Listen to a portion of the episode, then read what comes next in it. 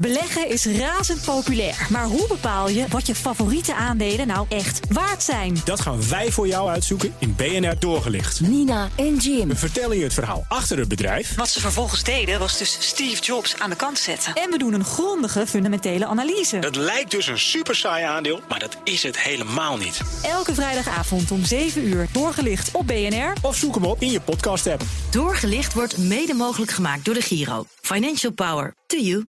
This Houston, contact with a test one. Touchdown confirmed.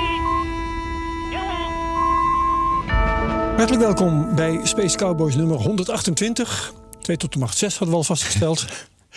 Mijn naam is Herbert Blankenstein en ik verwelkom eh, Michel van Baal Goedemiddag. en Bruno van Weyenburg. Eh, hallo, het is trouwens 2 tot macht 7, denk ik. Oh jee! Dorie zeg. Hoeven we dat gelijk Er niet is toch ja, altijd iemand maar die nog nerdiger is dan ik en mij weet te corrigeren. Nee, ga, Nee, maar- maar fout door. is een fout. Ja, laten we gewoon lekker in de podcast. Ehm, mooi. Eh, Michel, vertel mij eens eventjes wat jouw leukste onderwerp is vandaag. Ja, we eh, even terugkijken naar Euclid. Daar hebben we het in deze podcast al een paar keer over gehad. Uh, ruimtetelescoop van ESA, gelanceerd op 1 juli. Zit nu in zijn commissioning phase, zoals dat eh, dan heet. En hij gaat niet helemaal lekker. Dus eh, daar moeten we even op, eh, op eh, terugkomen. Ja, slecht nieuws is ook nieuws. Bruno? Ja, iets wat heel lekker ging was natuurlijk eh, Chandrayaan 3. Eh, vorige week op de maan geland. India's, eh, ja, maanlander. Indiaanse ja, maanlander plus. India's, eh, nou corrigeer ik jou. Vraag! Oh, we het zo spelen, Gerbert? Wordt het zo'n bij? Ja. Zo'n Nee, uitzending. leuk, ja. Kijken hoe lang we Wat dit heb jij, ik, eh, ik heb de ontwikkeling van een ruimtevuilniszak. Ah, nou, jullie weer. precies. Zeg ik verder nu niks over. ehm, komt straks. Nou, Michel, barst maar los. Euclid. Euclid, ja. eh, Euclid is de, de ruimtetelescoop van ESA. In juli eh, gelanceerd eh, eigenlijk vooral om licht te schijnen op de vraagstukken rondom donkere materie. Klinkt een beetje tegenstrijdig. Ja. Ehm, eh, en ja, zoals dat dan gaat bij zo'n satelliet, die wordt dan gelanceerd. En dan in eerste instantie moet, moet die worden gecheckt, kijken of alles goed functioneert. En dat gaat niet helemaal lekker. Eh, hij zou nu eigenlijk volgens mij zo langzaamaan zijn wetenschappelijke fase in moeten. Althans, uit die klaar moeten zijn met. eh, ehm, eh, met die, met die, nou, die check-out, zeg maar. Maar ze hebben een probleem ontdekt met wat heet de Fine Guidance Sensor. En dat is eigenlijk een, een apparaat aan boord wat ervoor zorgt dat ze die satelliet heel nauwkeurig op een bepaald punt in de- op de hemel kunnen, kunnen Richten. Richten. Ik, heb even, eh, ik ben er even ingedoken hoe nauwkeurig dat dan moet. En dat is vrij absurdistisch. Eh, dat ging over 25 milliarc seconds of zoiets dergelijks. eh, Ja. En ja, dat zei me niet, dus ik ben gaan rekenen. En Dat Nou, kwam er, ja, het kwam erop neer dat als je hier bovenop, we zitten in het gebouw van BNR, als je hier bovenop eh, de, een laser op eh, de Eiffeltoren richt, dan moet je een muntje kunnen raken. Dat is, eh, dat is Juist, de nauwkeurigheid ja, waarmee je dat- kunt mikken. Even- Dus dat is best Dat nauwkeurig. soort vergelijkingen, dat is altijd, altijd leuk. Ja, ja. precies. Het, dat is geloof ik 7 miljoenste van een graad voor als je het dan per se zeg maar in, getallen wil hebben. Maar dan als moet je een visuele voorstelling wilt hebben, de maan aan de hemel is een halve graad, geloof ik. nou, ja, dat moet nou, dat weet ik niet uit mijn hoofd, maar het, het moet dus heel meen erg nauwkeurig eh, kunnen, kunnen pinpointen. En normaal gesproken gebruiken ze daar een systeem voor met, ja, dan heb je starttrekkers en reactiewielen, waardoor je zo'n satelliet op de juiste manier kan draaien, zeg maar. Alleen dat is dus niet eh, nauwkeurig genoeg. Dus heeft Euclid, omdat die zeg maar segmentje voor segmentje ook die hemel moet kunnen afscannen, zeg maar, heeft een, eh, een sensor aan boord en die heet de Fine Guidance Sensor, eh, die dat veel nauwkeuriger doet. En eigenlijk wat, eh, wat, ze, wat ze doen is eigenlijk op een hele slimme manier een sterrenkaart uploaden naar Euclid. Dus, Maar dat kan niet in een hele sterrenkaart, want dat is veel te groot, dat bestand is veel te enorm.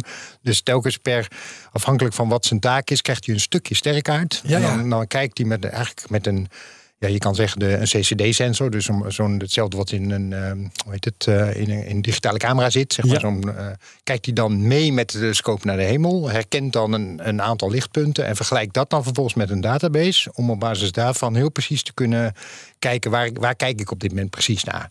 En dat gebruiken ze om, eh, om vervolgens Ja. die satelliet nauwkeurig te, En daar was dus iets mee mis. ja, en, nou, en die hapert. Dus Ja. soms doet hij het, als ik het goed begrijp, soms doet hij het en soms doet hij het niet. En Oh, dat ja. klinkt als een softwareprobleem. Ik, dan ga ik speculeren, want ik weet dit niet. Ja, maar, uitzetten en weer aan is dat. ja, dat, nou ja, dat ze vast geprobeerd hebben. Maar, Ja. maar dit klinkt als een softwareprobleem. Dus hij, hij, de, hij hapert soms. En nou ja, gegeven de complexiteit, dus natuurlijk ook de softwarecomplexiteit van zo'n aanpak, eh, is het ook niet heel gek eigenlijk. Hm. Ehm, klinkt dan ook wel weer als te fixen. Weet je? Dus ik ga er wel Ja. vanuit Ja. dat ze dat opgelost Een krijgen. eh kommaatje in de code ergens. eh, ja, Dat maar is ja, de ergste fout, hè? Als het soms wel doet en soms niet. ja, Nou, dan dat komt is, er een dat mannetje is- en dan doet hij het weer wel. hè. Ja, Klopt, ja, ja. dat is vaak de ellende voordat je er dan achter bent eh, wa- wat het dan precies is. En- Wanneer je het niet doet. Ja, wanneer die het wel doet en wanneer die het niet doet. En hoe je dat, ja, als je dat helemaal weet, is de oplossing meestal niet moeilijk. Maar Ja. dat inderdaad achterhalen is altijd problematisch. En bij satellieten extra, omdat je, je, je kan er ook niet aan rommelen. Weet je? Dus je moet het ook hebben van de telemetrie die je naar beneden Ja, krijgt. je kunt geen draadjes lostrekken. Nee, en je kunt ook niet zeggen, weet je wel, we doen eens een update en we kijken eens wat er gebeurt. Weet je? Ja. Dus dat testen ze dan Nou ja, vaak. dat kun je volgens mij wel. Ja, dat kunnen ze wel, maar meestal doen ze dat dan op de grond met een, eh, eh, met Duplicaat, Een, ja, een duplicaat, ja, met een, eh, een engineering model of iets dergelijks. twin.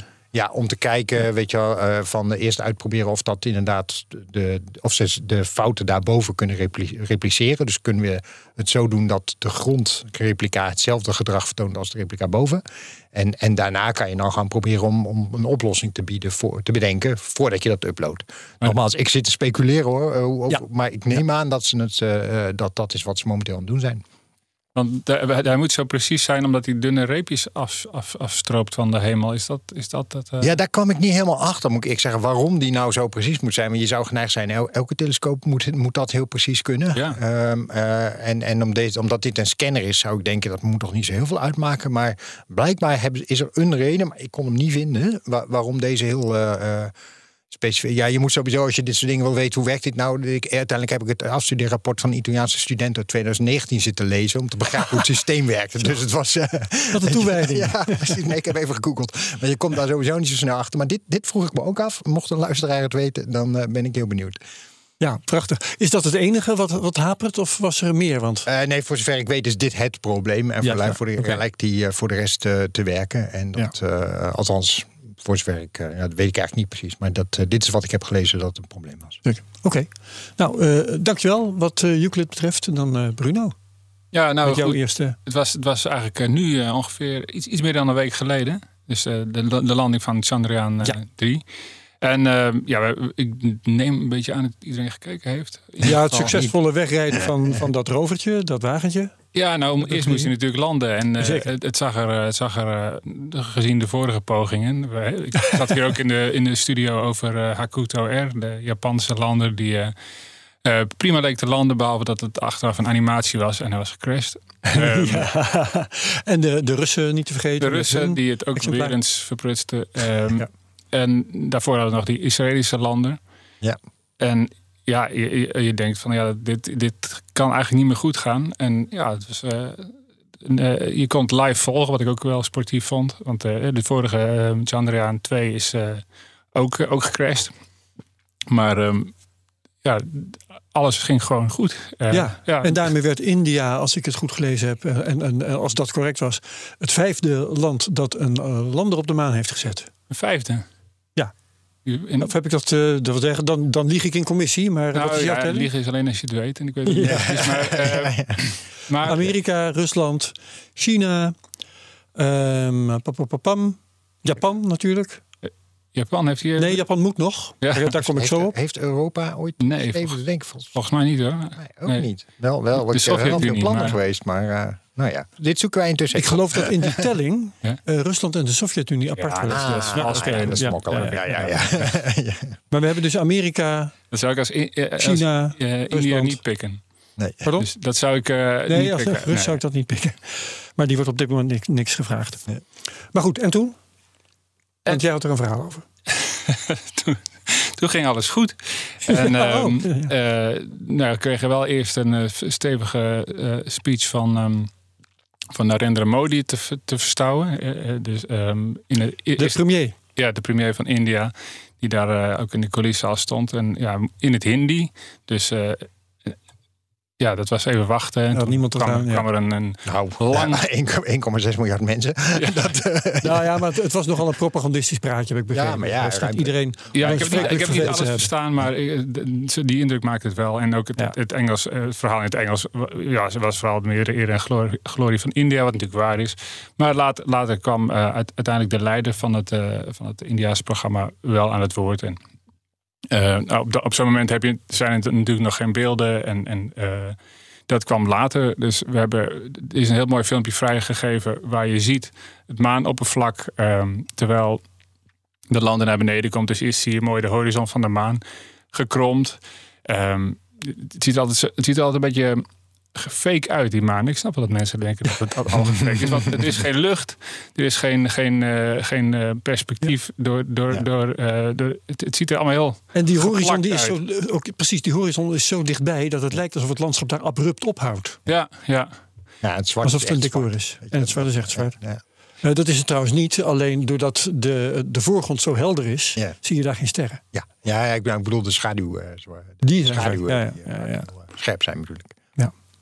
Nou ja, en dan, dan, dan zie je dat eh, die, die kraters eh, eh, op het maanlandschap steeds ehm, ja, die, die, voorbij komen. En ja, ehm, de horizon komt steeds hoger en wordt steeds ook platter. Hè, omdat je steeds een kleiner stuk van de horizon hebt. Dus het is, ja, het is heel mooi. kun je zien hoe die landing dan... ehm, ja, hoe dat steeds dichterbij komt. En dan remt hij af. En dan... stabiliseert hij en dan uiteindelijk dan ja, eh, zie je gewoon een stukje, een stukje maan waar die geland is. Ja. Eh, de, de Zuidpool zou bergachtig en ruw zijn. Eh, la- lastig om te landen en rond te rijden dan de evenaar van de maan, waar het tot nu toe meestal geland is. Ik zag het niet, maar ik geloof het, ik, ik geloof het graag. Ehm, en ja, daarna is er, ja, zoals je ook al zei, er zijn filmpjes vrijgegeven van dat karretje, wat was van een soort eh, afritje dan eh, Ja. ehm, naar, naar beneden en een, een mooi spoor trekt. En ja, het ziet, het ziet er gewoon allemaal heel ehm, de- degelijk uit, zeg maar. Ja, professioneel. Ja. En, En eh, eh, doet, doet hij het ook? Weten we al of hij al. of, want die moet ook, neem ik aan, zo'n land- lander heeft, heeft, neem ik aan, ook wetenschappelijk onderzoek. Ja, ja, ja. Nou, er, is, is, er zijn wat metingen vrijgegeven. Oké. En ehm, een, een, ding wat nog niet gedaan was, was echt ehm, de maan inboren. Of eerst heb je een poosje stof en dan dus wat dieper tot, tot op enkele decimeters en daar de temperatuur eh, op meten. Die, eh, die resultaten zijn ook vrijgegeven. Dus, de, dus eh, het idee is dat daar ehm, water is te vinden, dus waterijs. Ja. Ehm, dan wil je natuurlijk ook weten wat, wat, eh, wat de temperaturen zijn en, en wat de omstandigheden zijn. Dat, dat zijn ze dus nu aan het opmeten. Dus nu druppelen de eerste resultaten daarvan binnen. En, en dat zal uiteindelijk allemaal wel ehm, ja, in, in, in publicaties en dergelijke zijn. Maar ja, het, we krijgen daar al wat van te zien. Wat ik wel grappig Leuk. vond is, is ISRO, de Indiase NASA, heeft een, ehm, heeft een website. Als je erheen gaat, dan krijg je speeches. En, en, eh, eh, eh, handen schuddende mannen en Ja. samen- samenwerkingen met andere landen. Je moet even doorklikken voor Chandrayaan. Nou ja, dat, dat kan, zou anders kunnen, zou ik zeggen, maar goed. Ja. Maar de, de Twitter-feed van ISRO is, ja, is wel vrij. eh, daar, daar- zijn ze wel bezig met dit aan de man brengen. En ja, dus daar- ga daar dan vooral kijken, zou ik zeggen. Oké, Twitterfeed van Esro. In, in der defense, dat was natuurlijk om bij de landing, of om maar wat te noemen, van ehm, op eh, die, de komeet, heet die ook weer, eh, van ehm, Rosetta. Rosetta. Was, was, bij de landing was het ook niet anders hoor. De Twitterfeed was uitstekend, maar ik herinner me daar ook nog acht, eh, acht toespraken van belangrijke mensen. Dus ik wil dat. eh, weet je, dus nou ja, ik, ik zal de Europa eerste slaat dat niet over. ik eh, zal de eerste steen niet, niet gooien in dit verband. als ik Europeaan ben. Nou, daar komen we nog op, Michel. Ja, daar komen we nog op terug. Komen we Ik nog? ben- Oké. Is dat een dreigement? Ehm, Oké. Had je daar nog meer over of is dit je verhaal? Bruno? Nee, hè? Wordt vervolgd. Wordt vervolgd. Ja, nee, eh, door mij dan. Want ehm, ik wilde het verhaal vertellen van Slim. Nou is dat een vrij kort verhaal, want dat is een eh, Japanse missie die eh, van de week gelanceerd zou worden. En die lancering is niet doorgegaan. En dat is een lancering van gezamenlijk een, een maansonde en een röntgensatelliet. Ja, die heb ik zo meteen. Die heb jij zo meteen. Dan zal jij, ik- doe jij eerst de maan. Ja, ik doe het precies, want eh, die röntgensatelliet, die weet, daar weet ik toch niet zo verschrikkelijk veel van. Ehm, nou ja, eh, het, eh, hij zou eh, de 28ste gelanceerd worden, dat is afgeblazen. En toen dacht ik, nou, hopen dat hij dan misschien voor, wat is het vandaag, 30 augustus, eh, nog gelanceerd wordt. Maar dat gebeurt niet. Dat is in elk geval niet gebeurd. Ik heb ook niet eh, gezien dat er een nieuwe datum is eh, vastgesteld. Dus we moeten wat dat betreft wachten. Maar het is wel leuk, want Japan eh, wo- wordt dus als, ze dan, als wij het daarover eens zijn, nog nooit een lander op de maan hebben gezet, dan wordt Japan het vijfde Ja, land dat dit pre- presteert. En Is dat, wat voor een lander is dat? Is dat, is dat, een, dat moet denk ik haast een kleintje zijn. Als, ik, eh, als dat allemaal samen op een raket moet, kan het niet heel Volgens groot. mij is het een kleintje, want wat ik uit de berichtgeving opmaak is dat het echt een demonstratiemissie is. Die Indiërs die hebben duidelijk wat plannen. Ja. Maar eh, bij Japan willen ze gewoon laten zien dat ze het kunnen. En ze willen voor- vooral ook laten zien dat ze het heel nauwkeurig kunnen. Want ze willen dat ding eh, neerzetten in een vooraf bepaalde cirkel van 100 meter. Oké. En dat is best wel nauwkeurig. Want eh, als ik het goed heb begrepen, we herinneren ons dat trouwens van, eh, wat was ik in 19, was het nou 1971, de Apollo? Eh, Help 69. me? 69. Ehm, dat ze eh, doorvlogen tot ze een goede plek, visueel een goede plek hadden gevonden. Ja. En eh, nu zeggen ze van tevoren, daar willen wij gaan landen. En we zullen eens even zien, eh, laten zien dat we dat voor elkaar krijgen. Was Ja. er nu Nou, ook nog heel weinig brandstof over met de Armstrong ja. en Aldrin? Ja, Dat, was, eh, dat ging om eh, grammen of eh, iets dergelijks. Maar, nou, iets meer waarschijnlijk. Maar in elk geval om seconden die ze uiteindelijk over hadden aan vliegtijd. Ik zag een filmpje van die Japanse eh, lander. En, en die, die Dan bedoel je een animatie waarschijnlijk. Ja, dat is nog niet gebeurd. Niet dus, altijd helemaal het is toch weer een animatie. nou, hij is er nog niet, dus het moet dat zelf. En, en die landt op een hele grappige manier. eh, Die, die, die landt en die kantelt dan eh, ja, Oh. op, op, zijn, eh, op, de, op de kant waarvan je niet zou denken dat hij zou landen. Wat, wat daar het eh, idee achter is, weet ik niet. Alsof hij expres omvalt. Ja, ja, Dus de, ja. mo- de motor zit niet aan de onderkant. Dus Precies, staat. precies, Dat is, ja. eh, Oké. En misschien heeft dat iets te maken met, de met de precisie. Ehm, Poeh, dat zou ik niet kunnen zeggen. nou goed, eh, Ja. ik ook niet. Nee. Ja, of, of kan ook zo simpelweg zijn dat hij dan samen met de, de, de, de telescoop in de, in de neuskegel past. Weet je, dat eh, kan Ja, ook dat nog een ander soort constraint zijn geweest die daarvoor. eh, Ja, het, kl- het, Ja. het zag er nogal hachelijk uit, zeg maar. Van dit moet maar allemaal goed gaan. Maar ja, dat, Ja. In elk geval moet hij landen in de, eh nou ga ik een beetje oplezen hoor, de Chioli-krater. Dat is een eh, krater van 300 meter in de Mare Nectaris, jongens. oh ja. Oké. Eh, Dus Ja, die ken je. Is, is dat even naar Zuidpool? Wat, eh, Dat weet ik dan weer niet. Oh ja. Nee, ja, ik weet het wel. Dat is 13 eh, graden zuiderbreedte en 25 graden oosterlengte op de maan. Dus Oké. dat is redelijk, Dat is in, redelijk. in de buurt van Evenaar. Dat kun je als je ja, een dat is wel. eh, kaart weet te googelen, dan kun je dat gewoon prikken. Nou ja, omdat in die zin het landen op de Zuidpool, dat, dat is misschien nog wel aardig om even bij stil te staan. Dat, dat is veel moeilijker dan landen op de Evenaar. Weet je, gewoon eh, technisch om, daar, om, om op die plek te komen. Is Omdat het, je je snelheid helemaal tot nul moet eh, terugbrengen. eh, ja, maar je moet je baan ook dermate aanpassen dat je, Ja, ja, ja. eh, dat, je- dat je in. Kost veel brandstof. Ja, en, en in een, eh, ik heb wel eens eerder over georeerd. In een baan om de maan blijven is best wel ingewikkeld. Weet je, omdat die baan heel grillig is eh, qua, Vanwege qua die zwaartekracht. massaklonten. Ja, je kan, niet heel, je kan niet echt heel veilig in een lage baan zitten. Dus om, om, om vervolgens een, een baan te vinden die stabiel is eh, en die over de Zuidpool gaat, dat is, eh, eh, dat is veel ingewikkelder dan, dan de Evenaar. Dus, En Waarom is het moeilijk om in een lage baan om de maan te blijven? om, die, om het feit dat die massa, de, de massa van de maan zo, zo Ongelijk. on- ongelijk is. Ja. Waardoor, je, waardoor je gewoon heel grillig over. nou ja, als je in een lage baan gaat zitten, je kan wel één rondje in een lage baan, dat lukt wel. Maar zou je als het ware 50 kilometer boven de maan willen ronddraaien, dat hou je niet heel lang vol op. een gegeven 50 moment kilometer is al gevaarlijk. dat, ja, ik, ik, ik moet zeggen, ik, hoe heet het? eh, Ja. Dat is, dat ik al even uit mijn hoofd, uit mijn ja. duim hoor. Maar omdat, je kan in principe een keer laag, omdat je geen atmosfeer hebt. Alleen dat omdat hij zo ja. grillig is qua zwaartekracht, zwaartekracht ja, gaat hij dan vrij snel op een gegeven moment gewoon, wordt die baan verstoord. En Chaotisch dan worden. crash je op die baan. Maar is het ook lastiger om... Kijk, kijk, je, je komt natuurlijk aan in een baan in de Evenaar. Want je vertrekt... eh, hè, dat is eigenlijk de richting waar je vandaan komt. Maar dan moet je nog aanpassen om bij die de, eh, de Ja. Zuidpool te komen. Dat is ook wat het lastig maakt. Dat volgens mij wel. Je moet dan eigenlijk veel meer correcties uitvoeren om Ja, ja. in die baan terecht te komen. Vandaar dat ze voor Gateway zo'n hele rare eh, eh, near rectangular halo orbit hebben. Zo'n heel complex ding wat eigenlijk helemaal geen orbit om de maan is, maar een orbit om een Lagrange punt. Mhm. Omdat je dan wel, dat die, baan is namelijk wel stabiel, maar eigenlijk is het niet eens een baan om de maan. Oké. En die gaat over de Zuidpool. Maar dat is een enorm ingewikkelde truc die ze uithalen eigenlijk om, eh, om een stabiele maan, een baan te hebben waar je, waar je zo'n ruimtestation gewoon jarenlang in kan laten draaien. Zonder, Zonder al te maan, veel correcties. Ja, nou ja, en zonder dat hij op de maan valt. Ja, dat is Dus- belangrijk. ja. Niet onbelangrijk. ja, Ja, eh, hij valt op de maan als je niet corrigeert. Hè? Ja, Elke baan kun je in feite volhouden als je Ja. maar een goed genoeg monitort en corrigeert. Ja, en genoeg brandstof bij je hebt. Ja, Juist, ja. ja. Ja, ja, ja, Dus, dus in betekent- die ja. zin is landen op de maan, weet je, wat eh, is natuurlijk nog wel een bijzondere prestatie van de Indiërs. Ja, Ja. maar dat betekent dus ook inderdaad dat een langdurige baan om de maan, zeker als die een beetje laag wordt, is heel brandstof ongunstig. Ja. Omdat je zoveel moet corrigeren. Als je, Ja, dus dat, doet, eh, dat doe je eigenlijk niet. Weet Dan je, laat je dat wel uit je hoofd. Ja. Ja, dus de meeste, dat zag je bij Artemis 1 ook.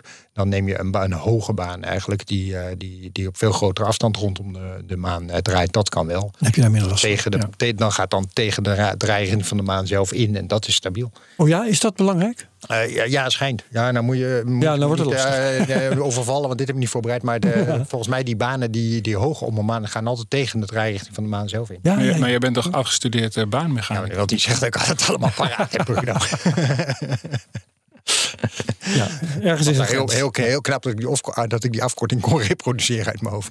Ga dan Ja, maar praten Ja. over, eh, over die röntgensatelliet. De röntgensatelliet. Die de Japanners Ja. omhoog gaan... eh, Daar, eh, ja, dat, daar had ik trouwens ook een vraag over de baan. Maar dat, want eh, deze, deze raket die dat niet de doorging. de aarde. Ja, die Ja- Japanse H2A. Die, ehm, waar dus en die maanlander en de, maar die röntgensatelliet. Hij heet de eh, Chrisma trouwens. Je schrijft X-Rism. Chrism. Xrism. Chrism.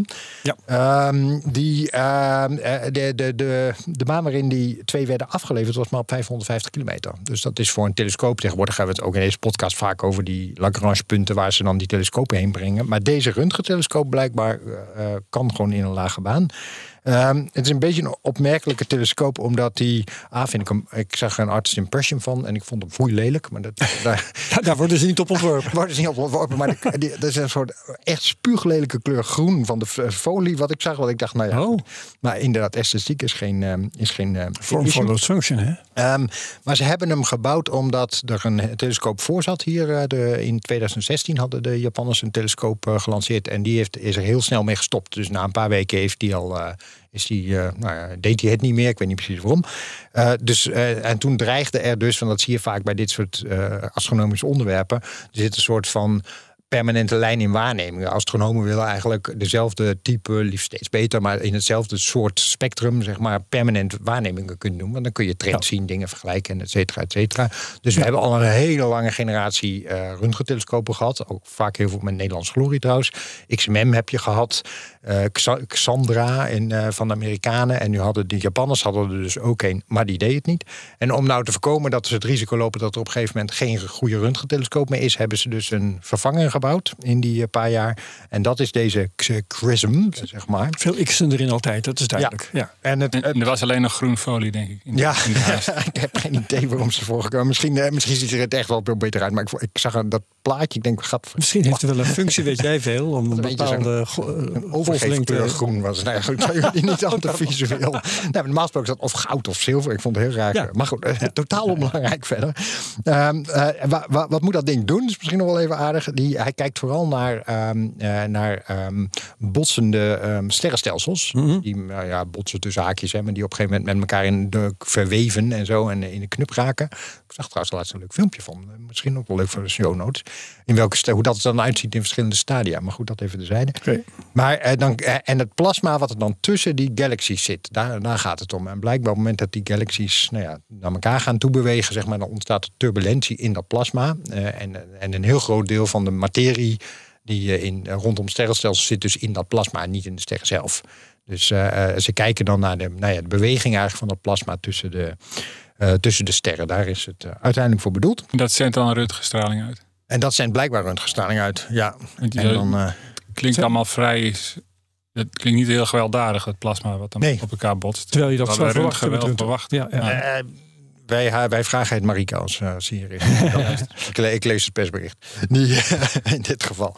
De, eh, overigens, eh, wat nog aardig is om even bij stil te staan, is dit ook zo'n onderwerp waar Nederland eigenlijk bijna altijd wel iets in doet. Dus als er röntgensatellieten zijn, dan is zit er altijd bijna wel iets Nederlands in. Met name in Esron, Esron in Utrecht is, dat, is daar heel erg goed in. Ja. Röntgen is lastig, hè? je kunt eh, röntgen niet eh, bundelen met een, met een spiegel. Weet je, dat werkt niet, dat gaat gewoon doorheen. Of een lens. Ja, dat lukt allemaal niet. Dus eh, voor röntgentelescopen gebruiken ze eigenlijk gewoon eh, een, een, een, een hele grote hoeveelheid steeds kleiner wordende buizen, zeg maar, die ze, die ze in elkaar zetten. Want Dus met van, eh, Een soort ui- ui-achtige constructie. ja, maar dan echt buizen naar beneden, wat die, die onderaan een heel klein beetje taps toe lopen. weet je ja. Dus een, en, en dat als het ware brengt dan die. die Een soort golfgoot. Ze, ze, ze nutje als het ware al die golven gewoon heel langzaam en een beetje in de richting van een, van een brandpunt. Dat is een beetje het, eh, het idee.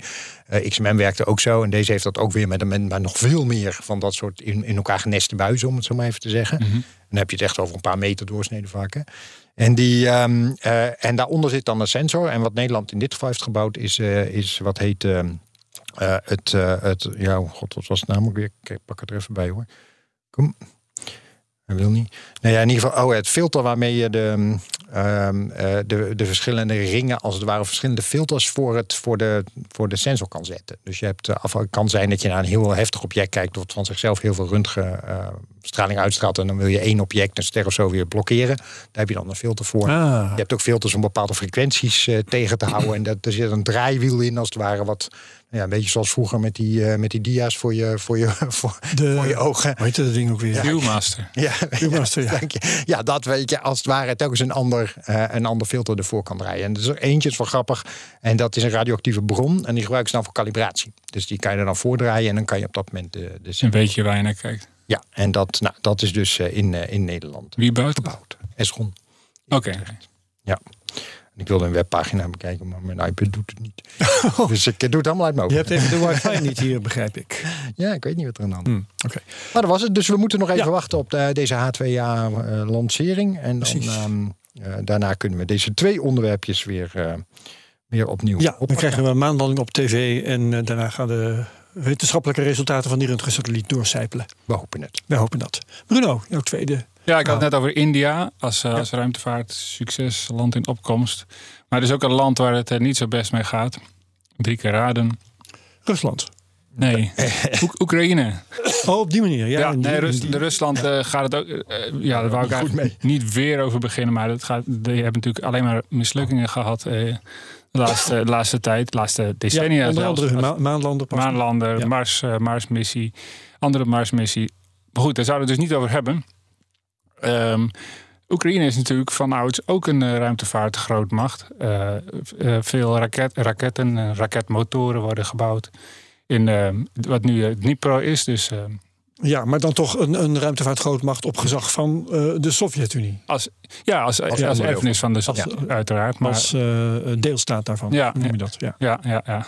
Ehm, Sovjet-Republiek. ja precies. Ehm, maar goed, ze hebben dat natuurlijk in 1994 ge- geërfd. En eh Yuzhnoye en uh, Yuzmash zijn, zijn grote fabrieken die eh, ook onderdelen leveren aan onder andere aan de Antares, Antares eh, raket, een Mhm. Amerikaanse raket.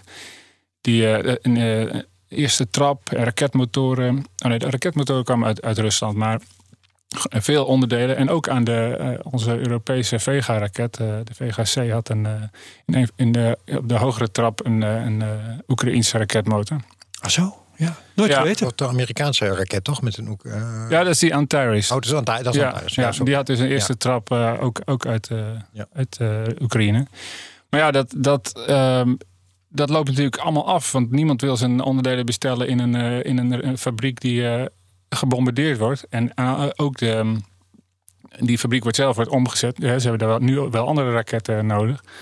Dus die, Ja. dat zijn natuurlijk vanouds ook vaak eh, defensiebedrijven. Dus ja, het is een soort eh, stille in- instorting van de ruimtevaartindustrie in, ehm, Ja, ja, ja. ja, ja. in, eh, in Oekraïne aan de gang. En de, de, dus die VGC-raket van, van, ehm, van ESA, die eh, he- heeft ook wat problemen gehad. En dat lag onder andere aan een onderdeel ehm, in, in die tweede trap. Dus er is nou eh, bij de fabrikant Avio in Italië, zij zijn aan het uitzoeken hoe dat zit. En toen ontstond er een soort discussie of het nou aan de Oekraïnse raketmotor lag of aan de specificaties die Avio had opgegeven. Ja. Hmm.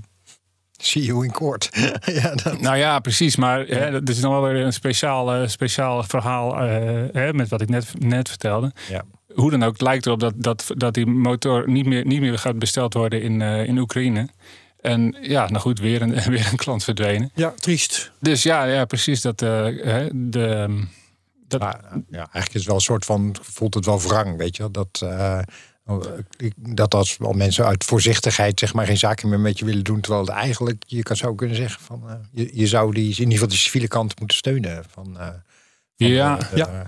Ja, maar je, weet- je weet natuurlijk zelf hoe risicomijdend Ja, eh, ja, de nee, ruimtevaartindustrie is. En, en niet helemaal onterecht, eh, Nee. ook gezien wat we net allemaal vertelden. Ja. Ehm, maar ja, ja, tuurlijk, ja, dat, is is, het, is, het is heel wrang en het is natuurlijk niet, niet, eh, niet de schuld van. van eh, maar ja, dat, daar heb je natuurlijk niet veel aan. Maar goed, dus ja, eh, in dit in de categorie slecht. Nieuws is het niet echt, want het is natuurlijk al eh, ruim anderhalf jaar aan de gang. Die Ja. ja. ja, het wel verdient om, eh, om vermeld te worden. Ja, en, en eh, ehm, je vertelt, ze gaan dus voor een deel in ieder geval over op ehm, oorlogsproductie. Maar eh, ja, dat is eh, zakelijk waarschijnlijk ook geen eh, oplossing. Want ik weet niet of dat allemaal contant afgerekend kan worden. Voor zover het al de, de complete omzet zou kunnen vervangen. Maar Oh, zo. misschien is dat. Ja, ik heb, Ja, nee. ik heb eerlijk gezegd de boeken niet nagekeken. Nee, maar nee. Ik, ik, heb altijd de indruk dat defensiebedrijven in tijden van oorlog het niet slecht doen. eh. dat is dan ook weer waar. Ja, Ja, maar het, het- het- er zit een filosofische achter. Weet je, dat het fijn is als landen deel zijn van een soort van hele brede familie van bedrijven die samen aan ruimtevaart doen, om het zo Ja, maar even ja. te zeggen. Ja, maar ook zakelijk dat- eh, als de inkomsten van buiten het land, het Ja. land komen in plaats van erbinnen. Want dan Ja. heb je gewoon eh, deviezen waar je weer wat, wat mee kan doen. Ja, nou, absoluut. nou, en dan gaat natuurlijk veel geld natuurlijk van, van het Westen eh, naar de Oekraïnse Ja, dat is, defensie. eh, zijn er wel, ja. ja. Op die manier ja, weer wel. Ja, ja, ja, Maar, Maar maar, goed. in dit, maar kijk, dit, dit komt natuurlijk, eh, als die dag, op een dag die oorlog afgelopen is, komt dit niet zomaar terug. eh. Nee, En, en, dan heb je een technische achterstand. Ja, dan heb ja. je een, ook gewoon een achterstand in, in wat je paraat hebt aan apparatuur waarschijnlijk. ja, en aan kennis. Wat er onderhouden is, ja, kennis, inderdaad. Ja. Oké, nou ja, bedankt voor dat eh jammere verhaal. Ehm, dan ben ik aan de beurt met wat ik daarnet had eh, aangekondigd. De ruimtevuilniszak. Oh ja. Het is ehm, eh, een bedrijf eh, TransAstra dat van NASA een contract heeft gekregen voor, ik zal het even in het Engels zeggen, een debris capture bag. En dit gaat over de strijd tegen ruimtepuin. En die debris capture bag die is dan bedoeld om op een dag de ruimte in te gaan en ehm, geen heel fijn ruimtegruis op te halen. Want ja, dat heeft niet zo verschrikkelijk veel zin. Dat, en dat schaadt ook niet. Maar wel oude rakettrappen en in onbruik geraakte satellieten en dat soort dingen. Ehm, Echt dingen van een paar honderd kilo. ja, dat, eh, dat, die categorie. Dingen waarvan je niet wil dat ze met elkaar in botsing komen. Ja, ja. En nog meer ruimtepuin genereren. Dat is, eh, dat is eh, het verhaal. In, in, op die manier kan het verantwoord zijn. Ehm, Toen ik het En- plaatje zag, had ik daar zo'n soort associatie met Pac-Man. Met die, met die Ja. monstertjes die dan zo hap, hap, hap, hap, ja, hap, weet je, en, ik, ik moet denken aan een, aan een eh, Ja. gebroken eierschaal. Ja, Weet je wel, die eh, met een scharniertje in het midden gaat open. En dan in een van die helften zit dan een kuikentje natuurlijk. Ja. En in dit geval niet, dan moet daar een satelliet in. Eh, of meer satellieten. Hè. Dat is een van de dingen die ze hebben bedacht. Om dit te laten schalen is het fijn als je in, op één missie meer dan één oud apparaat uit de ruimte kunt oppikken. Dus dan moet je er een paar zoeken die een beetje vergelijkbare banen hebben. Dat je niet heel veel brandstof verstookt om van de ene baan naar de andere te gaan. Je moet ook eh, ja, ja, je moet die dingen enteren. Hè. Je, moet, je moet gewoon gelijk met ze opvliegen. En dan moet je hap zeggen, inderdaad, met je Pac-Man. Je ziet mij dus heel sceptisch kijken, maar ik laat je nog even praten. Ja, ja. Nee, ik ben, er ook, ik ben er ook sceptisch over. Maar ik vind dit toch wel een leuk verhaal om Ja, te zeker. vertellen. Ja. Uh, ook het is al omdat ik- technologie demonstrator, hè, volgens Ja. mij nog. Dus Ja, eh, tuurlijk, dat, is tuurlijk. dat is altijd goed. dan, Dat is altijd eh, goed. Eh, en een van de dingen ehm, die, waar ze aan denken, dat is eh, ja, de, zeker van die oude satellieten en zeker eh, in onbruik geraakte rakettrappen, die eh, draaien nog wel eens. Ja. En je moet dit eh, ding, daarom is hij waarschijnlijk ook bolvormig, stel ik me voor, eh, moet je ook de juiste draaiing kunnen geven om het ding dat je wilt oprapen eh, Ja. te kunnen oprapen. Anders gaat hij vrij snel stuk. Ja, dus dat, eh, ja. je moet niet alleen de snelheid matchen, maar ook de draaiing. En dat, is, dat vond ik wel grappig. En, en dat draai je zelden om één as. Hè? Dus dat is dan ook nog weer heel complex. Nou, je draait altijd maar op één, om één as. Maar die kan een hele rare oriëntatie. Ja, nou ja. jij bedoelt een draaiing kan chaotisch zijn. Ja, dus, en, zeker bij rakettrappen. Maar dan heb je een uitwendige invloed nodig. Een of ander ongelijkmatig zwaartekrachtsveld. Maar dat is wel voorradig. Ja, absoluut. Nee, dat, maar dat gebeurt. De druk van de zon en zo, weet je, is dat eh, Ja. al over tijd. Ja, dan ja, ja. krijg je altijd hele rare, Tuimelingen. heel- hele Ja. rare bewegingen. Dat je ergens heen gaat en dat je je moet afvragen hoe draait hij vandaag. Maar, maar waarom is het belangrijk om die draaiing op te vangen? Is het trouwens een, een, een zak in de zin dat het plooibaar is? Of, of is het toch een soort harde eierschaal? Eh, het, is, het, het, oogt als een harde eierschaal, maar ja, het ding is inflatable. Hè? Dus zeggen, wat dat betreft moeten we concluderen dat hij plooi, plooibaar is. Hij gaat al opgevouwen de ruimte in. Nou ja, kijk, als je, als je zelf wat hap dan? doet om een draaiend object wat, wat een paar honderd kilo weegt, en met, eh, eh, dan heb je zoveel momentum als het tegen je zak aandrukt, dan scheurt dat hele ding de kapot. Ja, ja, ja. Weet je? Ja, Ja, je moet echt die draaiing zo goed als matchen. Ja. Zoals je ook de snelheid zo goed als moet matchen. Hè? Als je eh, 10 Ja. meter per seconde snelheidsverschil hebt, is het al vrij slecht, denk ik. Nou, zware nog, dingen. bij de- Een paar centimeter per seconde heb je al. eh, Ja. eh, dus da- daar zit ook wel mijn grote twijfel hoor. Meteen met dit. ja, op. Als, als eh, technologie demonstreert fantastisch doen, leuk. Weet je wel. Maar Mm. of het ook daadwerkelijk nuttig is, dat vraag ik me wel af. Want het is, je hebt het wel over 28.000 kilometer per uur. Weet je wel. Gewoon 10. Ja. eh, Maar dat is toch niet de relatieve snelheid? Waarom, Nee, nee, waarom nee, zou een precies, paar maar je centimeter moet- per seconde... Nee, maar je moet je, je nee, maar goed, de- die dingen bewegen met 28.000 km per uur. En je, en je moet inderdaad een relatieve snelheid bere- bereiken die waarschijnlijk in de, in de orde van centimeters per seconde zit. Weet je, dus- oftewel, dat vraagt heel veel brandstof.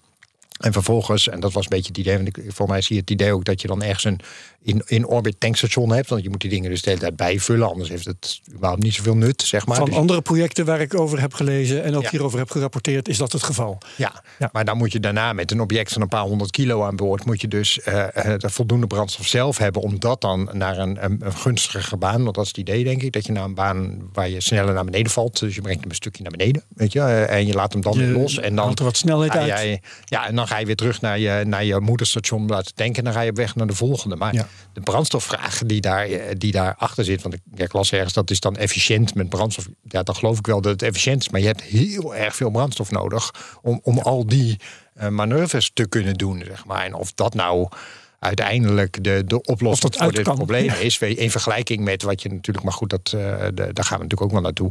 Je moet gewoon zorgen dat die dingen niet, dat die lege trappen daar überhaupt niet zijn. Nee, dat, dat is het tuurlijk. allerbelangrijk. tuurlijk daar Terwijl we, het we over hebben het nou toch ook over de achterstallige rommel die we achtergelaten hebben. Ja, ja, Ja, ja. nee, zeker wel. Maar dat, dan, dan, je hebt het over zoveel, zeg maar, dat, eh, dat ik me wel afvraag of dit dan de. Wat kost de- dit per satelliet, eh, is eigenlijk de vraag. En wie Ja, gaat dat betalen? Ja, en wie, En wie gaat, gaat dat betalen? betalen? En is, Ja, ja, is dit dan uiteindelijk de, de, de technologisch gezien de meest eh, Ja, zin? dan moet je een, technolo- een, een internationaal fonds oprichten waar dat dan uit betaald kan Maar Maar, maar is het plan ook inderdaad om ze naar een lagere baan te brengen en daardoor weer vrij te geven? Eh, nou, ten dele. Ehm, in de eerste plaats moet ik zeggen, ook naar aanleiding van jouw verhaal, Michel. eh, het contract waar het nu om gaat, is maar eh 850.000 dollar waard. Ja. En het gaat over een demonstratie on the ground. Ja. Oh. Ja, dus eh, ze gaan Ja, eerst ja. even ehm, in een hal, stel ik me voor, laten zien hoe dat ongeveer moet gaan werken. Dus ze bouwen een, eh, weet ik veel, misschien wel een schaalmodel. Eh, iets waarmee ze kunnen demonstreren hoe ze willen dat dat eh, gaan werken. Maar dus wel met eh, op, opblaasbare mechanieken en zo. Ehm, waarvan ik dan denk, dat kun je misschien beter in de ruimte demonstreren. Want zwaartekracht kan dan vrij fnuikend zijn. Maar oké, daar zullen ze dan ook wel aan gedacht hebben. Ja, ja. Ehm, en om jouw vraag te beantwoorden, Bruno. een van de dingen die ze zeggen te willen, daar heb ik dan weer twijfels over. eh, dat is eh, reuse en recycling. Ja. Dus ehm, sommige satellieten zul je eh, kunnen pakken en dan misschien van nieuwe brandstof kunnen voorzien. Andere zul je misschien kunnen pakken en van nieuwe gyroscopen kunnen voorzien. Denk even aan Hubble. Ja. Ehm, dus er zijn wel manieren om sommige satellieten eh, te upgraden op een of andere manier. Ja. Maar natuurlijk niet allemaal. Zeker niet ra- rakettrappen. Maar daar is, daar is natuurlijk ook eh, door andere bedrijven wel veel om te doen. Om, servicing missions te doen. Dus dat je naar een satelliet gaat en repareert. Maar dan er eerst een vuilniszak omheen slaan lijkt mij nogal een slordige eerste stap. hè. Nou ja, weet je, sowieso, er zijn ook andere. Maar nogmaals, de technologieontwikkeling is altijd top. Weet je, ik, eh, maar de, je, er zijn alternatieve bena- eh, benaderingen ook wel on- uitontwikkeld of nou ja, be- bedacht. En ik weet ook was getest volgens mij. Grijparmen en zo. Ja, en de meest interessante eigenlijk is, eh, je hebt bijna alles wat daarboven zit, heeft een raketmotor.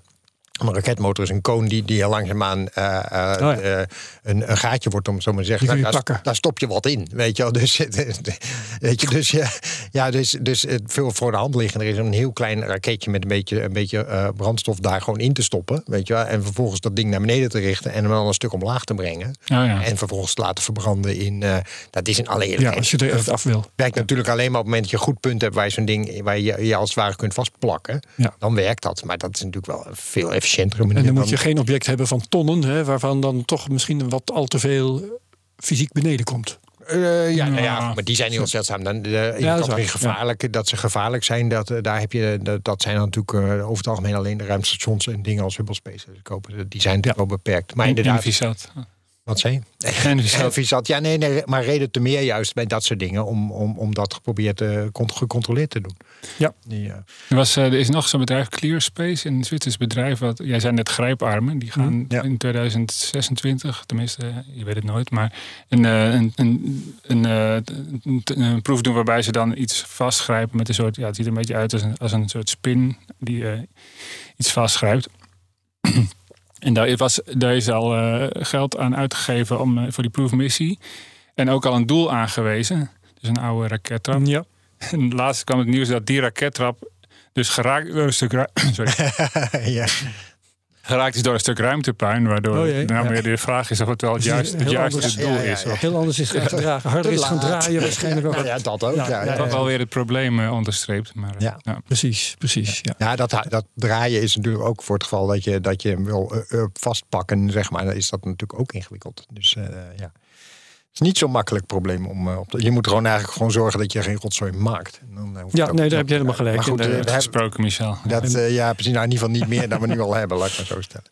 Ja, um, en uh, wat ze, het systeem dat ze zich voorstellen, zal ik meteen nog even uh, vertellen. Dat is uh, um, een worker bee spacecraft, dat Ja. dus die dingetjes ophaalt. En een think platform, waarom dat allemaal zo heet, weet ik ook niet. Van 37 meter diameter. Ja. Uh, wat dus dat moederschip is dat jij je Ja. voorstelde. Ja. En, uh, nou, ja, dus zo. uh, De PR wil ook wat, zeg. Precies. Ja, ja. Met de commercialisering van de ruimte krijg je ook Apple, Apple Speak. Ja, daar is in de ruimtevaart is er altijd wel aan gedacht. Ja, nou oké, okay, dus uh, dat, daarmee eindigt dit verhaal uh, voorlopig, denk ik. Nou, dan maak ik een bruggetje voor je. Want uh, een goede manier om geen ruimtepuin te maken is ook, ook dingen hergebruiken. Dus, uh, en daar was nieuws voor, want Rocket Lab, um, de, die toch wel behoorlijk succesvol ruimtevaartbedrijf intussen, dat de Electron booster lanceert. Uh, volgens mij hebben ze nu een stuk of veertig al uh, gelanceerd. Ja, dus hard, dat gaat echt wel goed. Uh, maar ze hadden een mijlpaal, want ze hebben nu ook de eerste uh, Electron gelanceerd met een, een hergebruikte motor. Dus die, de Rutherford Engine, zoals dat ding dan heet, dus de, de raketmotor zelf. Hij vloog hier voor de tweede keer. Volgens mij was het zelfs. Hebben hem zelf uit water opgevist en hij doet het nog. nog Uit het zeewater opgevist? Ja, ik geloof het wel, ja. Dat het, dat, dat de eerste was, zeg maar.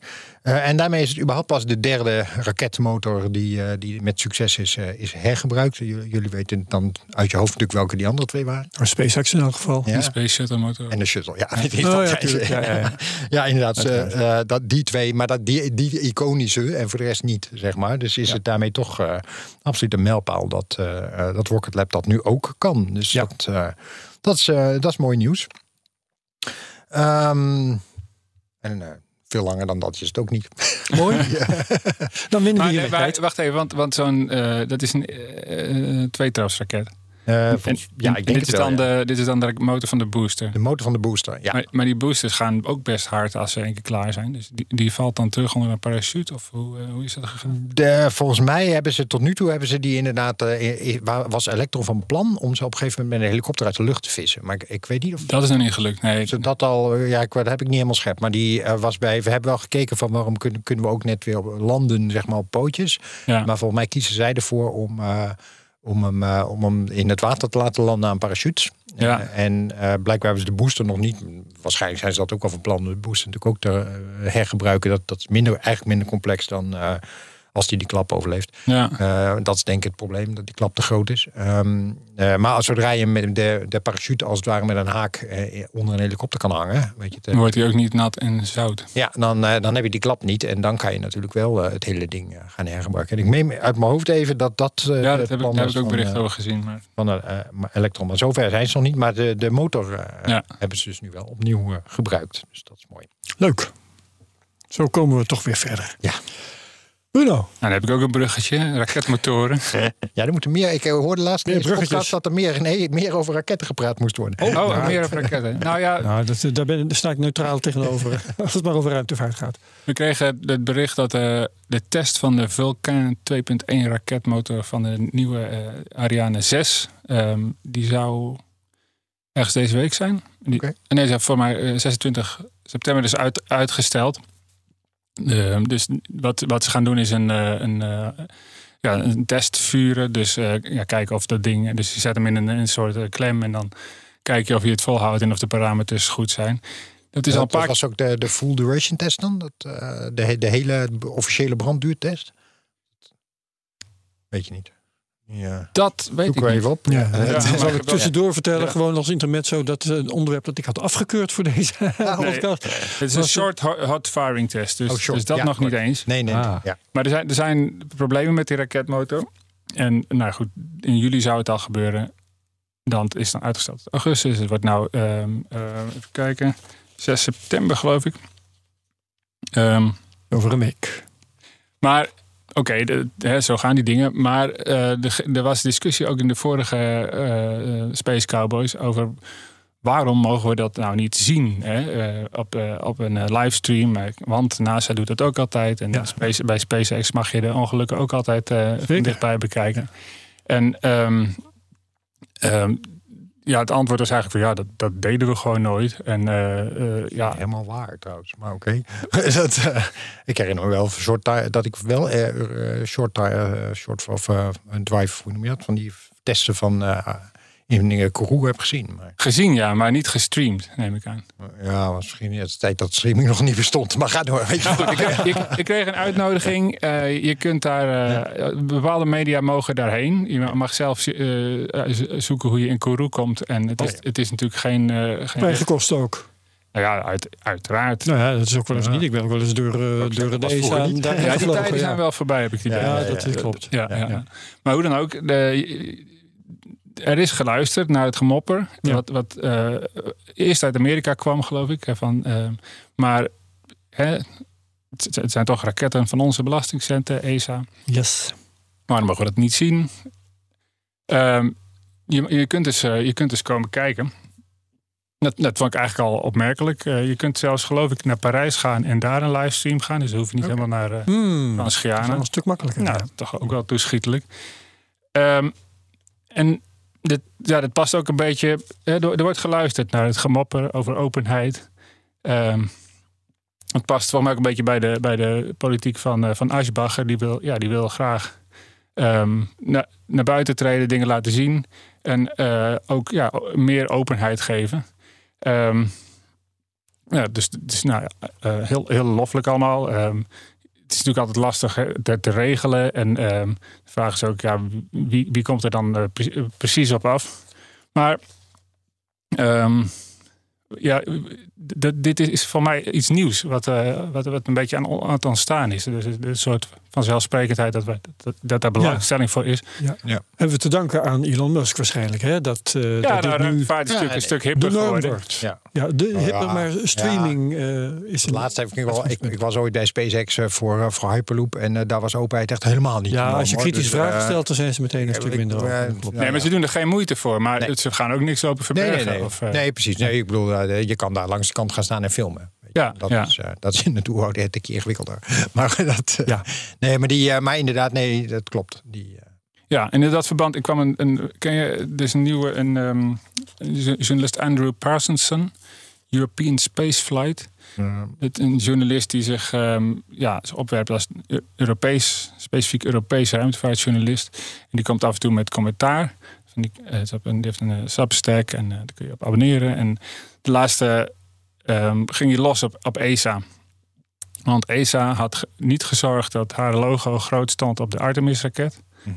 En in alle nieuwsstukjes wordt het NASA-raket genoemd. Wordt het, terwijl, wordt het dus een, ja, NASA-raket genoemd, terwijl het gewoon de, de, een groot deel van de ehm, capsule, dus de ondersteunende service module, is in Europa ontworpen, gebouwd, betaald. Dus ja, waarom, waarom staat ons logo daar niet op? En waarom staat het NASA-logo er vier keer op? Ehm, ja, maar daar kun, je, daar kun je om lachen en dat doe, doe ik ook. Maar Ja. ehm, ook in alle nieuwsberichten staat NASA's raket. En, Ah, eh, ja, ja, ja, en een, een, eh, de andere een missie, Solar Orbi- Orbiter. Dus een, eh, een, eh, een ESA-missie met één NASA-onderdeel. En dat, dat hadden ze alleen in het persbericht gezet als eh, een ESA-NASA-coöperatie. En in alle nieuwsberichten staat een NASA-raket met medewerking met eh, NASA European raket. Nou ja, goed. wet van het grootste merk is dat. Precies, naar Misschien dwingen ze dat contractueel Ja, ja, wel nee, af. Nee, nou ja, Nee, hoor. goed, Nee, ja. dat, dat lijkt me sterk. Nee. Nee. Ook je kunt zeggen, ja, doe niet zo kinderachtig. ja, het, het gaat toch om het, om het resultaat. Maar eh, zijn, de, de klacht was van waarom zijn wij zo ontzettend slecht als Europeanen in, eh, in PR? En ehm, nou ja, ik heb hier toevallig eh, een eh, oud PR-medewerker. zo is er in de buurt, uit. Michel.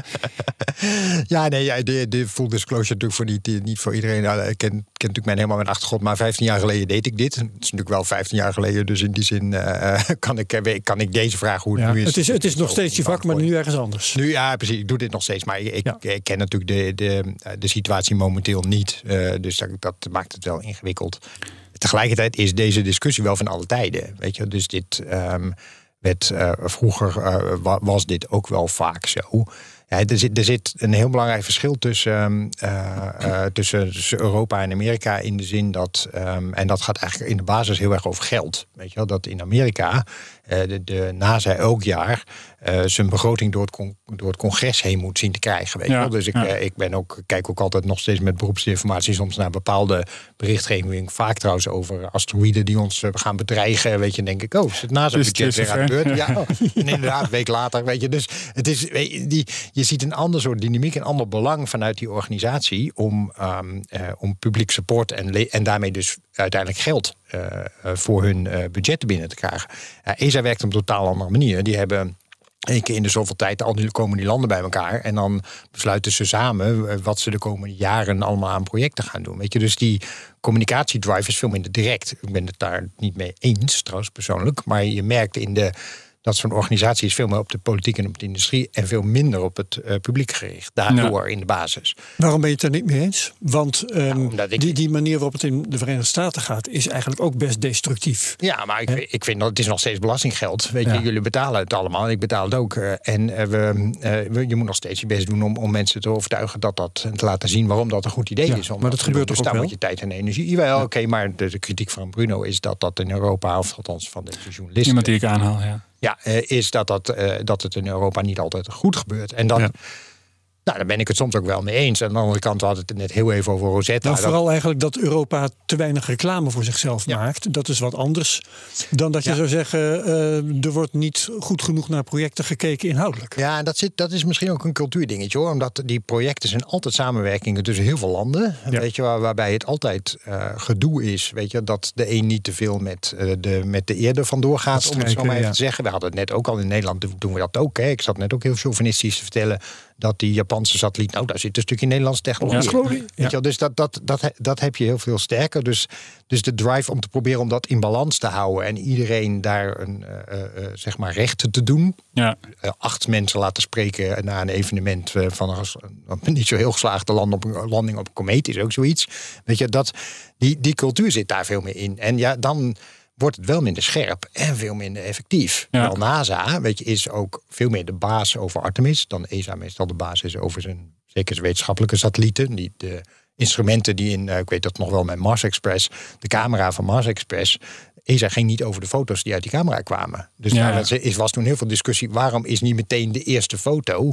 Ja, om, omdat er ja, heel, heel lang geleden niet zo goed over na was gedacht. En, eh, en ESA niet, eh, niet, niet bij machten was om die foto te publiceren. Want we hadden hem gewoon helemaal niet. Weet Ja, je, ja, dat- ja. Ja.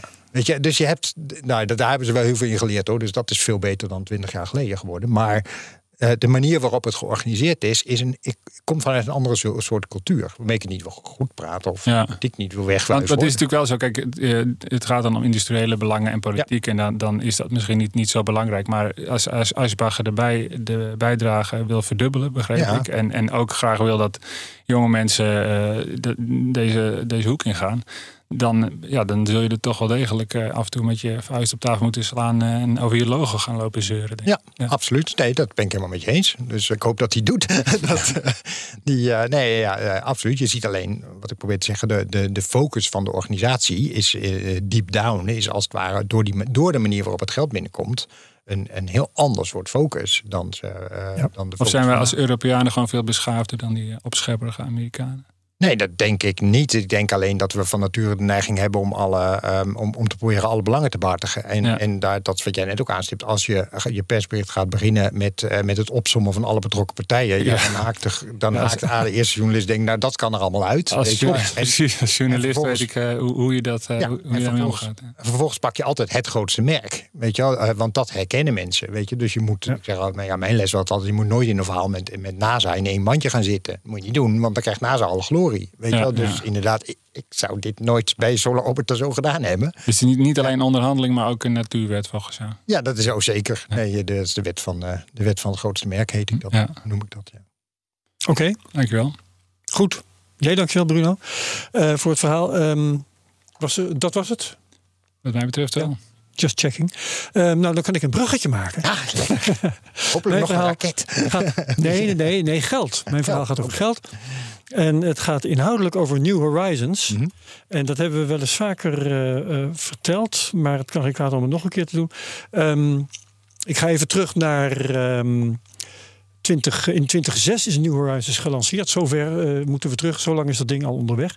In eh, 2015 heeft hij foto's gemaakt van Pluto. Ja. Dat was toen, waren toen de eerste beelden van de eerste close-ups van Pluto. Werkelijk uniek. Prachtig.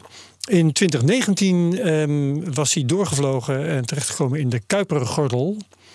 En daar heeft hij een Kuiper Belt Object gefotografeerd, KBO. En die heette eerst anders, ik weet niet meer hoe, maar later is hij Arrowcot genoemd. Arrowcot. Arrowcot, ja, A-R-R-O-K-O-T-H.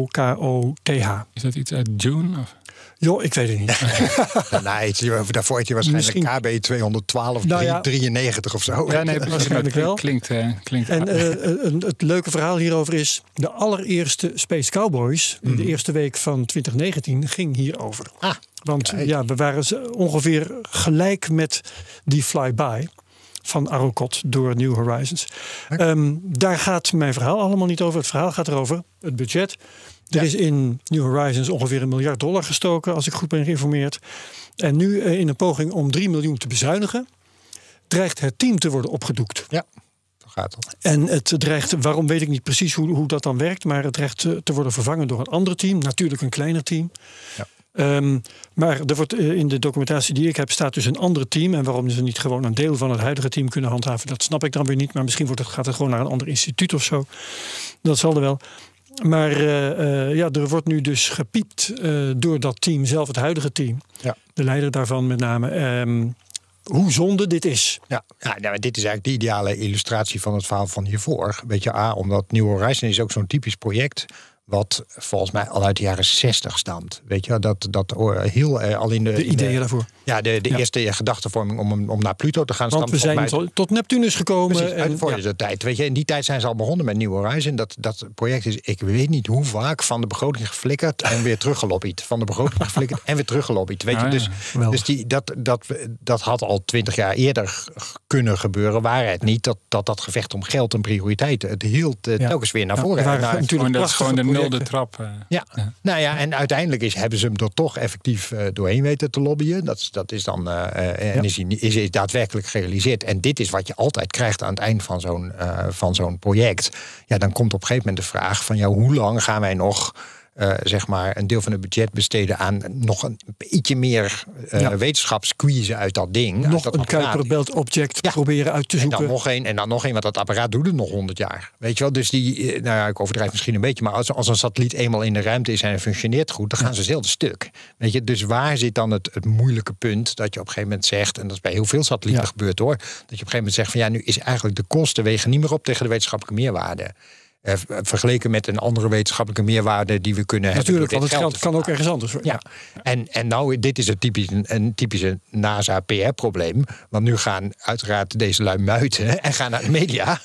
In een poging, waarschijnlijk En daar succesvol. kun jij je wel in vers- verplaatsen. Ja, nee, dat is heel effectief namelijk. Heel eh, succesvol om, Ja. op, om support te krijgen. Om dit weer terug te krijgen, weet je. Dus Ja. die, waarschijnlijk lukt ze dat, dan gaat ze dat deze keer ook alweer lukken. Of Ja. in ieder geval, maar hoeveel, hoeveel heb je nodig dan? Je, je hebt toch Nou, iemand... 3 miljoen.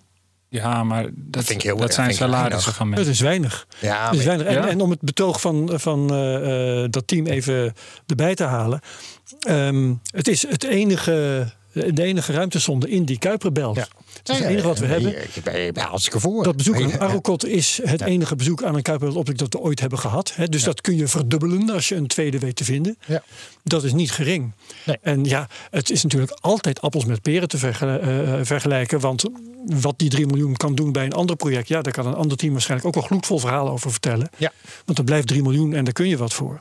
Ja, zeker. Nou ja. Kijk, die, die, weet- die teams van WF ook wel op een heel laag pitje, maar voor je het draait natuurlijk in ook nog. Ja. weet je wel. Ja. Maar het is, het is natuurlijk niet alleen, weet je wel, de salarissen van die mensen. Hè. Je hebt het ook over de capaciteit van het Deep Space Network. Yep. Weet je, je moet met al die satellieten Ja. kunnen praten. Nou Ja. weet ik niet hoe vol dat zit hoor. Nee, het zit aardig vol als ik toevallig Ja, wel. ja. Maar dat is vaak, het is, het is een trade-off. Je hebt veel meer belangen Ja. die je moet afwegen. Weet je wel. Zeker, maar om onder andere ook, en dan ga ik ook weer gewoon dat, dat team napraten. eh, het belang van dat miljard dat er al in is gestoken, hè, dat is de sunken cost. Met die 3 miljoen kun je eh, de opbrengst van dat miljard aanmerkelijk verhogen. Ja. Ja, nee, ik ben, ik ben niet tegen. Ja, maar, nee. dit, eh, maar het is altijd een afweging van belangen. En, en Ja. dit is inderdaad ja, de, de gevolgen van, van hoe dit gefinancierd wordt. Ja, dit is hoe het spel gespeeld wordt. Zou mij dan ook helemaal niet verbazen bij spreken als, eh, als hier ook een stuk onderhandelingstechniek in zit. Hè? Weet je wel, daar, daar ligt al, daar ligt alvast uh, bij spreken 5 miljoen klaar. Weet je, maar ze gaan eerst eh 10 miljoen kut. eerst, Oh, ze gaan ja, eerst ja. naar 15 Omdat ze miljoen terug. En ja, dan eh, ja, ja. weer Wisselgeld. ja, nou ja, weet je, en dan uiteindelijk is iedereen weer happy. Ja, dat, ja dit is wat we in Europa dus niet doen. Maar dit is wel wat in Amerika gebeurt. Ik las Ja. laatst dat eh, de project scientist van Voyager pas vorig jaar maar met eh, pensioen gegaan is. wow.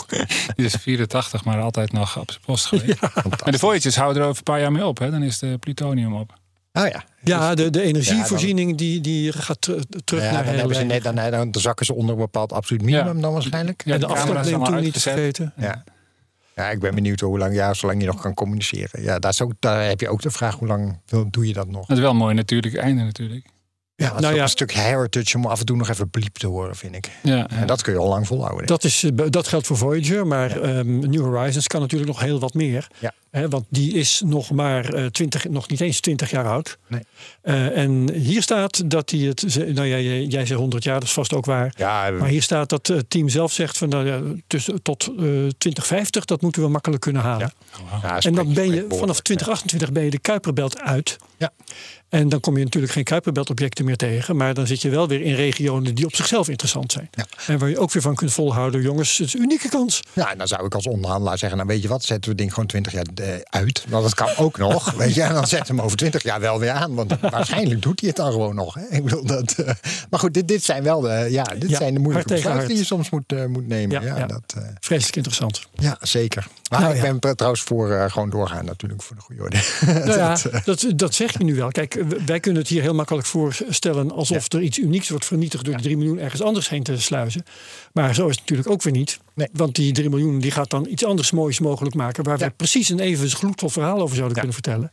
Ja, maar nu is wel de neiging in de ruimtevaart, vind ik altijd een beetje, weet je, om, eh, en dat ook omdat het zo industrie gedreven is, weet je, het is, eh, er zitten altijd grote industriebelangen achter en de industrie wil altijd iets nieuws bouwen. Weet je Ja. wel? Dus er is wel de neiging om heel snel, oké, dit hebben we gebouwd, weet Ja. je, de innovatie is klaar. dat is onze volgende opdracht. Ja, we gaan weer wat nieuws maken. Maar omgekeerd Ja. zal een team dat bestaat altijd voor zijn eigen voortbestaan blijven vechten. Ja. En wat het kan doen voorstellen als iets unieks. Wat misschien sterker helemaal niet waar is. Nee, dat, maar dat niet alleen de wetenschap over het algemeen zit er ook altijd heel anders in. Want die Want we wetenschap, hebben al een Kuiperbeltobject. Nee, dat niet. Maar die wetenschap die, die zegt, weet je wel, wij krijgen nu, eh, we hebben de afgelopen tien jaar hebben we deze vorm van waarnemingen gedaan. We willen de volgende tien jaar meer van dezelfde waarneming. Want dan kunnen we het vergelijken met de waarneming daarvoor. We willen niet iets heel nieuws. Want ja, Goed weet punt. je, dan weet je, dus de, de belangen van de industrie en de belangen van de wetenschap lopen eigenlijk altijd niet synchroon. Hè? Ja, ja, ja. ja. daarom wil je ook meer röntgensatellieten bijvoorbeeld. Ja, maar wel, eh, maar wel in, hetzelfde, in, in hetzelfde spectrum en niet iets nieuws gaan verzinnen. Wel beter graag. Eh, wel hoog. Ja, nauwkeurig. Ja. Ja, ja, Nou ja, zo hebben we de hele podcast alweer samengevat. Ja.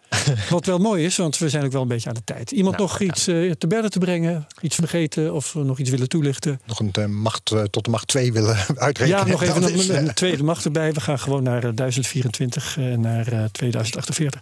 Nee, oké. Eh, ik dank Bruno van Wijnburg. Ik dank Michel van Baal. Ja. Ik dank de luisteraars. Mijn naam is Herbert Blankenstein. Dit was Space Cowboys 128 dus. En heel graag tot de volgende eh, over twee weken bij Space Cowboys 129. Dag allemaal. Tot de volgende keer. Dag.